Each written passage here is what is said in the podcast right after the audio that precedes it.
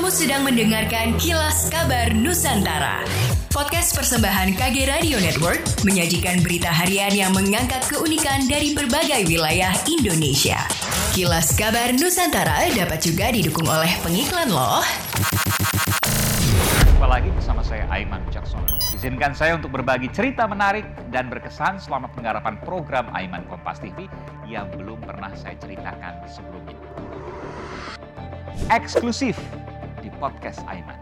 Dipersembahkan oleh Medio by KG Media, siniar cerdas tanpa batas. Eksklusif di Spotify dan YouTube Trusty Official.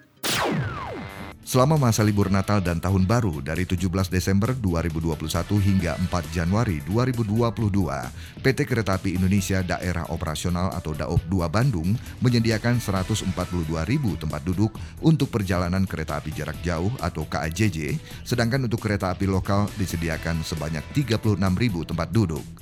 Manajer Humas Daop 2 Bandung, Kuswardoyo mengatakan, momen libur Nataru ini, Daop 2 masih mengedepankan prokes dan aturan dari pemerintah mengenai keterisian tempat duduk serta persyaratan bukti vaksin dan hasil antigen negatif bagi pelanggan kereta api.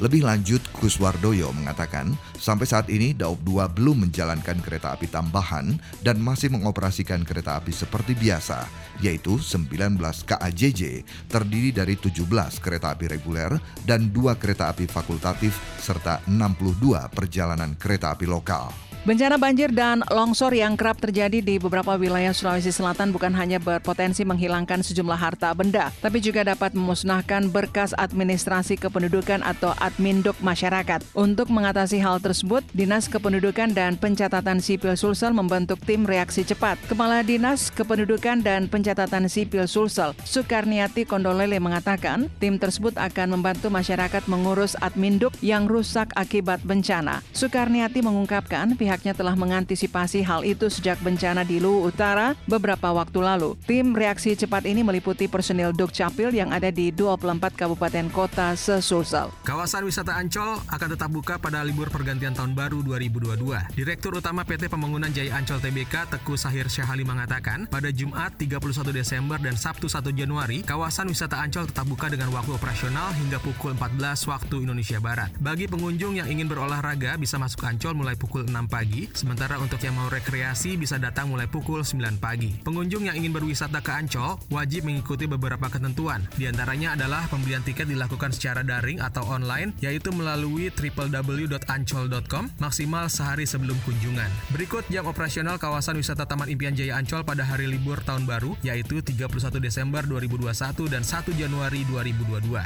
Area pantai mulai pukul 6 pagi sampai pukul 14 waktu Indonesia Barat. Wahana dunia fantasi mulai pukul 9 pagi sampai pukul 14 waktu Indonesia Barat. Wahana Ocean Dream Samudra mulai pukul 9 pagi sampai pukul 14 waktu Indonesia Barat. Wahana SeaWorld Ancol mulai pukul 9 pagi sampai pukul 14 waktu Indonesia Barat. Wahana Atlantis Water Adventure mulai pukul 9 pagi sampai pukul 14 waktu Indonesia Barat. Wahana Fauna Land Ancol mulai pukul 9 pagi sampai pukul 14 waktu Indonesia Barat. Dan Wahana Gondola mulai pukul 10 pagi sampai pukul 14 waktu Indonesia Barat.